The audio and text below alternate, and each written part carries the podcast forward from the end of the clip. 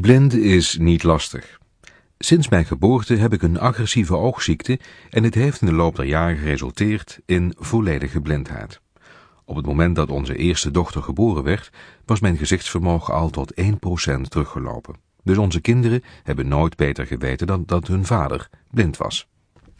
Eigenlijk hebben we daar in hun opvoeding nooit echt rekening mee gehouden en gaan de kinderen er waarschijnlijk ook daarom als vanzelfsprekend mee om. Als er vriendjes en vriendinnetjes van onze kroost komen spelen, dan merk je dat andere kinderen er toch anders mee omgaan. Waarschijnlijk zijn ze dus thuis duidelijk geïnstrueerd over het hoe en wat en hebben ze het bericht meegekregen dat de vader daar blind is en dat er dus voorzichtig mee omgegaan moet worden.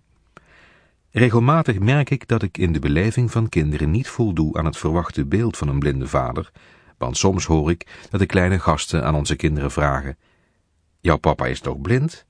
Maar hoe kan die hier in huis dan zonder stok lopen en aan de computer werken?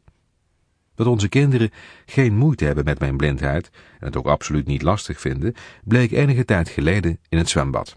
Terwijl mijn dochter haar schoenen probeerde te strikken, knoopte ze een sociaal gesprek aan met de vrouw naast haar. Wij gaan zo meteen nog met papa en mama en een zusje naar de McDonald's.